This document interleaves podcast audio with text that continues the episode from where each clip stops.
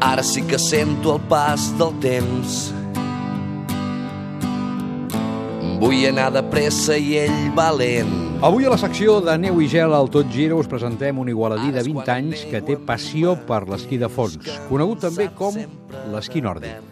Practica aquest esport tant en la modalitat de patinador com en la de clàssic des que tenia 5 anys i l'entorn que sempre l'ha acompanyat l'ha fet créixer i estimar allò que més l'apassiona. És l'Òscar Jorba, membre de l'equip absolut de la Federació Espanyola d'Esports d'Hivern. És l'esport que he practicat des de petit. Els meus pares tenien una casa en una estació molt petita que ja no existeix perquè eh, per falta de neu estava, massa, estava a molt poca alçada i per tant no tenien neu cap hivern, però bueno, en els primers anys que, que jo vaig esquiar, esqui, esquiaven allà i ve d'aquí que jo comencés a esquiar. I ara que no tinc al meu costat sento que m'han pres un tros de món. L'Òscar Jorba, juntament amb altres joves de diferents disciplines, són la gran aposta de futur d'una federació que busca talents i esportistes que puguin donar, després d'un procés en el temps, un alt rendiment en les competicions. Tradicionalment, l'esquí nòrdic no té una fàcil sortida i no s'obren els practicants.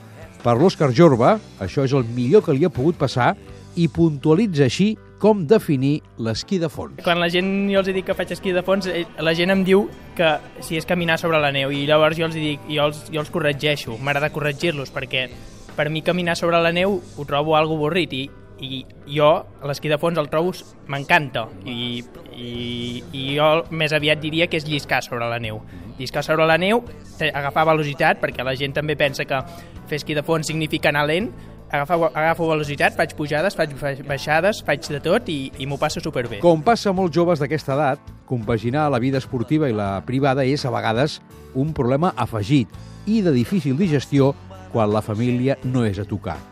Viatges, moltes hores de preparació i una vida plena de rigideses per no fallar a l'hora de competir són el dia a dia d'aquests joves esportistes. Esquiar i competir m'ha limitat en moltes coses, però són, és incalculable eh, amb tot el que m'ha favorit. Per tant, fent una comparació, el que respecte el que m'ha desafavorit i el que m'ha favorit, guanya de sobres el que m'ha donat l'esquí de fons. Amant de la política, la meteorologia i l'actualitat del que passa al món, l'Òscar Jorba mira de progressar enmig de les dificultats, i no només per les retallades econòmiques que limiten i molt el pla d'actuació d'aquests joves. Ara toca competir a la Copa d'Europa absoluta i buscar uns resultats que li permetin donar un salt de qualitat. S'ha de mirar el futur, però també s'ha de mirar el dia a dia i, per tant, a curt termini jo tinc com a objectiu les Copes d'Europa que es realitzen cada any eh, i el Mundial Júnior, que també es realitza cada any. I per, per anar al Mundial Júniors eh, has de primer classificar-te en les Copes d'Europa. Es considera un corredor explosiu i amb més rendiment quan es tracta de distàncies curtes, de 5 o 10 quilòmetres no ha tingut un bon inici a la Copa d'Europa amb una primera prova a Suïssa, però aquest cap de setmana arriba la segona a Alemanya.